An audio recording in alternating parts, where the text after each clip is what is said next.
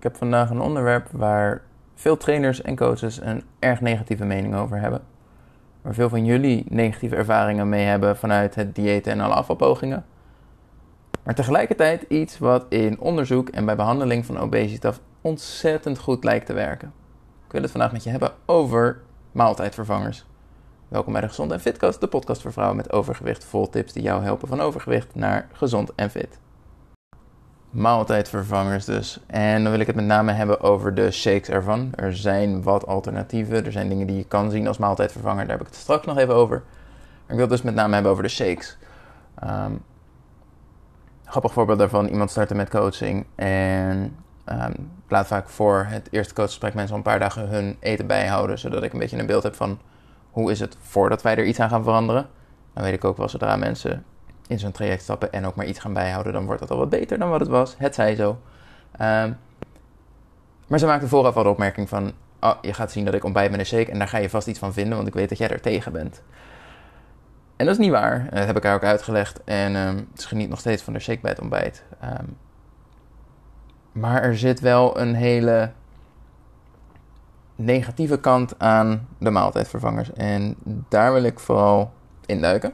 Hoe ze fout worden ingezet.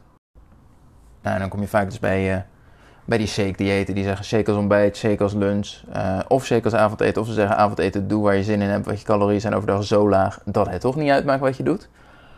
Um, maar de, he, het hele de hele aanpak daar is gewoon... We vervangen gewoon alles met een shake. Daardoor zit je zodanig vol en zijn je calorieën zo laag dat je toch wel afvalt. Vervolgens heb jij denk ik niet de ambitie om te zeggen... de rest van mijn leven bestaat mijn hele eetpatroon uit shakes. Ik ga naar een verjaardag, ik neem mijn shakes mee. Ik ga op vakantie, ik neem mijn shakes mee. Ik zit in een vergadering, ik zit met mijn shake. Weet je, daar, daar zit je niet op te wachten. Dus het is altijd met intentie om het tijdelijk te houden. Maar zodra het stopt, zodra de shakes weer uit je eetpatroon verdwijnen... dan... Ja, wat dan? Wat heb je geleerd? Wat heb je als plan? Nou, over het algemeen helemaal niks. En dan moet je dus een goed eetpatroon gaan aanleren. Terwijl je um, hebt te dealen met een verhoging in eetlust en trek. Um, doordat je gewoon zoveel bent afgevallen. Dat hoort erbij als je afvalt, je trek neemt toe. Super normaal en hoeft geen probleem te zijn, mits. Nou ja, daar komen we zo bij. Maar wat je dus bij shake diëten ziet, is uh, nou ja, een paar maanden crashen door alleen maar uh, door shakes de basis van je hele eetpatroon te maken. En vervolgens komt het er weer net zo hard aan zodra de shakes uh, weer verdwijnen. Dan is er ook nog met name een beetje bij de trainers en coaches. En die zitten zo in dat ideale plaatje van je moet acht uur slapen, je moet zoveel sporten, je moet minstens zoveel stappen. Je moet zo onbewerkt en natuurlijk mogelijk eten. Zoveel mogelijk groenten, zoveel mogelijk fruit, zo min mogelijk bewerkte rotzooi. En uh, de shakes vallen in, de, in, dat, uh, in dat verhaal onder bewerkte rotzooi. De shakes zijn slecht. Punt. Klinkt fantastisch. Werkt voor hen waarschijnlijk ook. Ik bedoel, als je zo fit bent dat je er je werk van maakt, dan nou ja, ben je daar best toe in staat, denk ik. Maar afvallen, en met name afvallen met overgewicht, is net even anders. Podcast aflevering 11 gaat erover. Heet heel toevallig Afvallen met overgewicht is anders. Um, dus luister die vooral als je dat interessant vindt. Maar je hebt gewoon een aantal problemen en obstakels te maken waar zij geen rekening mee houden. Um, Eén daarvan is, waar kom je vandaan? Kijk, zij zegt, ik uh, um, ontbijt met, of ik, ik lunch met een salade van 600 calorieën, weet ik het. En die vervang ik met een maaltijdshake van 300 calorieën. Ja, dan is dat een manier om af te vallen. Maar misschien had je ook die salade gewoon wat beter kunnen maken. Of wat caloriearmer kunnen maken. Nou ja, en in dat argument kan ik het met de trainer eens zijn. Maar waar ik mee werk zijn vrouwen die zeggen: Ja, ontbijt, s ochtends heb ik niet zoveel honger. Op het werk is het zo druk dat ik eigenlijk niet goed aan eten toekom. En uh, rond een uur of vijf heb ik zo'n verschrikkelijke trek en kan ik niet meer stoppen. En als dat het alternatief is, en, en dat is altijd de vergelijking die ik cliënten keer op keer laat maken in de coach, coaching. Wat is het alternatief? He, zoiets als, um, nou ja, maaltijdvervangers zijn slecht. He, die overtuiging. Wat is het alternatief? Uh, dat ik niets eet En vervolgens dus een verschrikkelijke eetbui heb in de avond. Enorm baal van mezelf. Hele negatieve stemming heb. S ochtends moeite heb om me weer te herpakken. Ehm, en ik kom er juist enorm van aan omdat ik die eetbui heb. Wat is het allerslechtste aan die maaltijdvervanger? Het is onnatuurlijk en het is bewerkt. Nou ja, weet je, zo'n beetje alles wat we eten is bewerkt. Tenzij jij ehm, je melk rechtstreeks uit de koe haalt en alleen maar groenten en, en onbewerkt vlees eet. Dus wat dat betreft vind ik ook dat bewerkt eten een beetje een overdreven negatieve lading heeft. Dat terzijde, niet het onderwerp van vandaag. Maar goed, als dus het argument is tussen ik eet iets wat een beetje bewerkt is of ik heb een eetbui. Lijkt mij de makkelijke keuze toch wel om te zeggen: oké, in ieder geval voor nu kiezen we voor die maaltijdvervanger. Dat zal waarschijnlijk een heel stuk beter werken. En kunnen we vervolgens vanuit daar um, eventueel uiteindelijk kijken naar: oké, wat zijn betere, hè, wat is de volgende stap? Wat is een beter alternatief? Maar zeker als tijdelijke oplossing om een probleem als eetbuien op te lossen, het werkt fantastisch. En waarom zou je dat niet doen? Ook als je kijkt naar de voedingswaarde van de producten, sommige zijn waardeloos en weet je, ze zijn laag in calorieën, maar de calorieën die erin zitten zijn voornamelijk suiker. Maar als je een beetje, een, eh, een beetje je best doet om een, een fatsoenlijk merk te kiezen, dan zit daar over het algemeen zo verschrikkelijk veel eiwit in dat je dus één het tijdsprobleem oplost van ik heb gewoon geen tijd of geen zin om ook maar iets aan lunch te maken of ontbijt. Um, soms is er echt iets van 30 gram eiwit in, dus gelijk is de rest van de dag je eiwitten binnenkrijgen een heel stuk makkelijker. Vezels zitten er over het algemeen ook lekker in, waardoor het zo vullend is. Weet je, puur kijk naar voedingswaarde is wat dat betreft een ideaal product om af te vallen. Daar is het tenslotte ook voor gemaakt. Waar het misgaat is als dat de basis is van je eetpatroon, terwijl je. Um, of de basis wordt van je eetpatroon, terwijl je nooit echt een goede basis hebt gebouwd voor als je stopt of wil stoppen met de shakes. Ik zal een, een cliënt die op dit moment in mijn coaching zit, als je dit luistert, um, nou ja, je zal jezelf herkennen. In eerste instantie ontbijt zelden tot niet, lunch niet. S'avonds, het ging helemaal mis. En, en dit was geen af en toe, dit was gewoon, dit was de routine. Dit was dagelijks, keer op keer. Dus logisch, de eerste stap is, oké, er moet daar regelmaat in komen. We moeten zorgen dat je iets hebt aan ontbijt, iets hebt als lunch en uh, avondeten. En dat je daar een, een goede basis qua calorieën mee binnenkrijgt. Uh, hebben we gedaan. Ontbijt lukte heel goed. Uh, avondeten gaat ook prima. Lunch is een hele lastige, omdat het echt door tijd gewoon en door drukte um, vergeten wordt. Geen tijd om het te regelen. Um, dus daar waar het soms misging, um, was, dat altijd, was de oorzaak altijd de lunch. En als ze dan koos voor um, de meest, makkelijkste, meest makkelijke optie die op dat moment wel behaalbaar was, dan, dan was dat echt ja, krentenbollen omdat ze er toevallig lagen. Uh, een beetje in die richting. Dan is het best een enorme vooruitgang, vooruitgang als je kijkt naar voedzaamheid, calorieën en uh, eiwitten. Om de omschakeling te maken van niks eten of krentenbollen naar uh, zo'n maaltijdvervanger. En dat is een voorbeeld die, uh, die er nog mee aan de slag moet. Dus ik kan nu niet zeggen, het heeft fantastisch voor haar gewerkt. over een week of twee kan ik dat waarschijnlijk wel. wat is niet de eerste wat dat betreft. Maar goed, we hebben daar niet gezegd vanaf dag 1, hé hey, wacht, je eetpatroon is heel onstabiel en je hebt eetbuien. We pakken gewoon shakes als oplossing en uh, uh, leef daar maar van.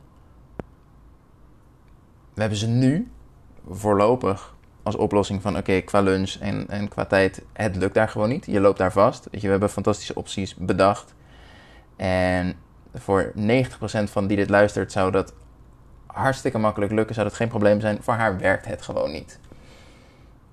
Nou ja, dan kan je slechte coach zijn en zeggen: Ik blijf doordrammen. Dit is wat je moet eten. Dit is wat we hebben afgesproken. En uh, als dat niet lukt, dan ligt dat aan jou en zit jij fout. Of ik kijk mee naar wat is nou een betere optie in deze situatie.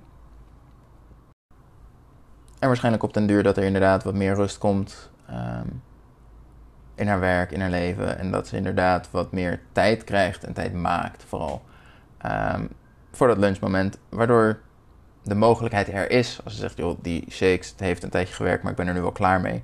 Dat we inderdaad kunnen kijken naar, oké, wat is nou een alternatief? Het ding is alleen, het is niet, zij valt op, af op shakes. Nee, zij valt af op een leefstijl en een eetpatroon wat we aanpassen. En shakes zijn daar voorlopig een onderdeel van. En dat is een enorm verschil met ik val af door alles te vervangen met shakes. Ik denk dat dat wel de het belangrijkste leermoment, uh, of de belangrijkste les uit deze hele aflevering is. Is ja, maaltijdvervangers kunnen absoluut helpen.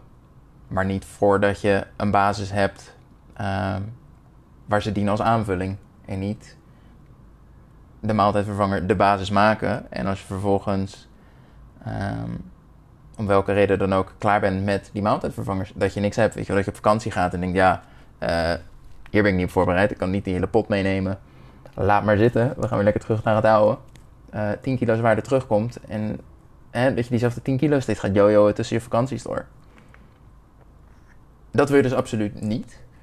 En wanneer, wanneer zou ik het wel inzetten? Als jij dus inderdaad om, om tijdsredenen, gemak. Uh, ik denk dat dat het voornaamste is. In tijd en gemak. Niks is zo makkelijk als twee scheppen in een beker, roeren of schudden en klaar. En je weet gewoon, ik heb een redelijke caloriehoeveelheid. Ik vind het vaak wat aan de lage kant. Um, dus het zou best goed zijn om of iets later of erbij uh, iets als fruit erbij te nemen. Um, qua eiwit is het fantastisch. Qua vezels zit het lekker hoog. Dus een hele mooie manier om te zorgen dat je in ieder geval iets binnenkrijgt. En nou ja, dat het ook nog van een beetje kwaliteit is.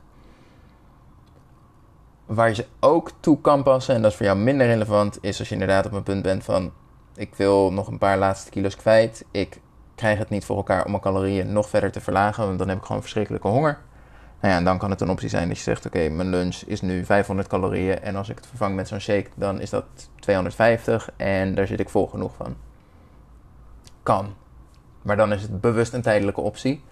De vraag is: is het nodig en kan het niet anders? Waarschijnlijk wel. Maar goed, dat is een mogelijke situatie om het in te zetten.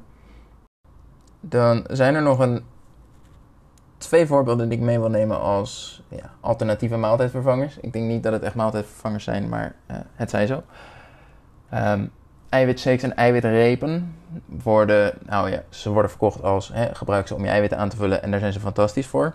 Eiwitshakes vooral, eiwitrepen is vaak meer alsof je ja, een snicker haalt en er wat eiwitten bij hebt uh, aan toegevoegd. Over het algemeen zijn ze erg hoog in calorieën en suikers. En nou ja, of dat, of ze zijn niet te vreten. En in beide gevallen denk ik, is het heel handig. Um, en eiwitshakes zijn eerder als aanvulling, tenzij je het zou aanvullen met um, nou ja, eiwitpoeder en brinta is zo'n beetje de basis van al die maaltijdvervangers. Alleen eh, gaan ze er iets verder op door, zodat het iets lekkerder is dan eiwitpoeder met brinta. Geprobeerd, geen aanrader. Um, maar gewoon die kant kan je ook op. Dan heb ik nog wel eentje wat niet echt een maaltijdvervanger is in de tra traditionele zin, maar denk ik wel ja, leuk verhaal om te delen. Het gaat om een arts gespecialiseerd in de behandeling van obesitas. Dit is uit Amerika. En die deed een experiment of een, een nou ja, challenge met een aantal uh, patiënten. Ik denk een stuk of 40, 50. En um, het enige wat zij deden was het vervangen van hun lunch, wat het ook was op dat moment, met uh, linzensoep. Ik hou er niet van, maar um, ik denk als er iets is wat heel erg vult en echt fantastische voedingswaarde heeft, dan is het dat wel. Nou ja, dat zag je ook terug in de resultaten. Ze hebben verder niks aan hun eetpatroon gedaan, behalve dus inderdaad die vervanging van de lunch. En vielen daar fantastisch mee af. Ik durf daar geen getallen aan te koppelen, omdat ik niet het. Um, ik, ik, heb de details hier niet openstaan. Maar um, ja, die hebben eigenlijk hun maaltijd vervangen uh, met linzensoep. En kregen daar, hadden daar fantastisch resultaat mee. Ook na, um, nadat ze er weer mee stopten, bleef het er ook gewoon af. Omdat Ehm, de basis was al oké, de basis was goed genoeg om stabiel op te blijven. En vervolgens was dit een tijdelijke aanpassing ehm, om op die manier het calorietekort te maken. Het is niet zo, mijn eetpatroon was waardeloos. Ik ging alleen maar linzensoep eten en daarmee viel ik af. En daarna stopte ik er weer mee. Ehm, dus dat is wel het belangrijkste verschil, denk ik, als je aan de slag gaat met maaltijdvervangers. De basis moet er al zijn voordat je er ook maar aan gaat denken. Anders dan, nou ja, kom je die bekende yo-yo weer tegen. En uh, ik geloof en hoop dat je luistert omdat je daar vanaf wilt. Dus uh, tot zover mijn advies wat dat betreft. Dan denk ik dat er veel van jullie zijn met uh, vooral negatieve ervaring, hè? de shake dieet en dergelijke. Een negatieve ervaring met maaltijdvervangers. Ik ben heel benieuwd naar je verhaal, dus deel het vooral. Ik hoop ook dat deze aflevering je in ieder geval inzicht gaf in waarom het toen niet werkte en hoe het wel zou kunnen werken. Heb je positieve ervaringen ermee? Hoor ik het natuurlijk ook hartstikke graag. Stuur me gewoon een berichtje op Instagram. Uh, je kan me eventueel ook mailen info koningfitness.nl info Gaat lekker. En uh, vind ik leuk. Stuur me een berichtje. En uh, tot de volgende aflevering.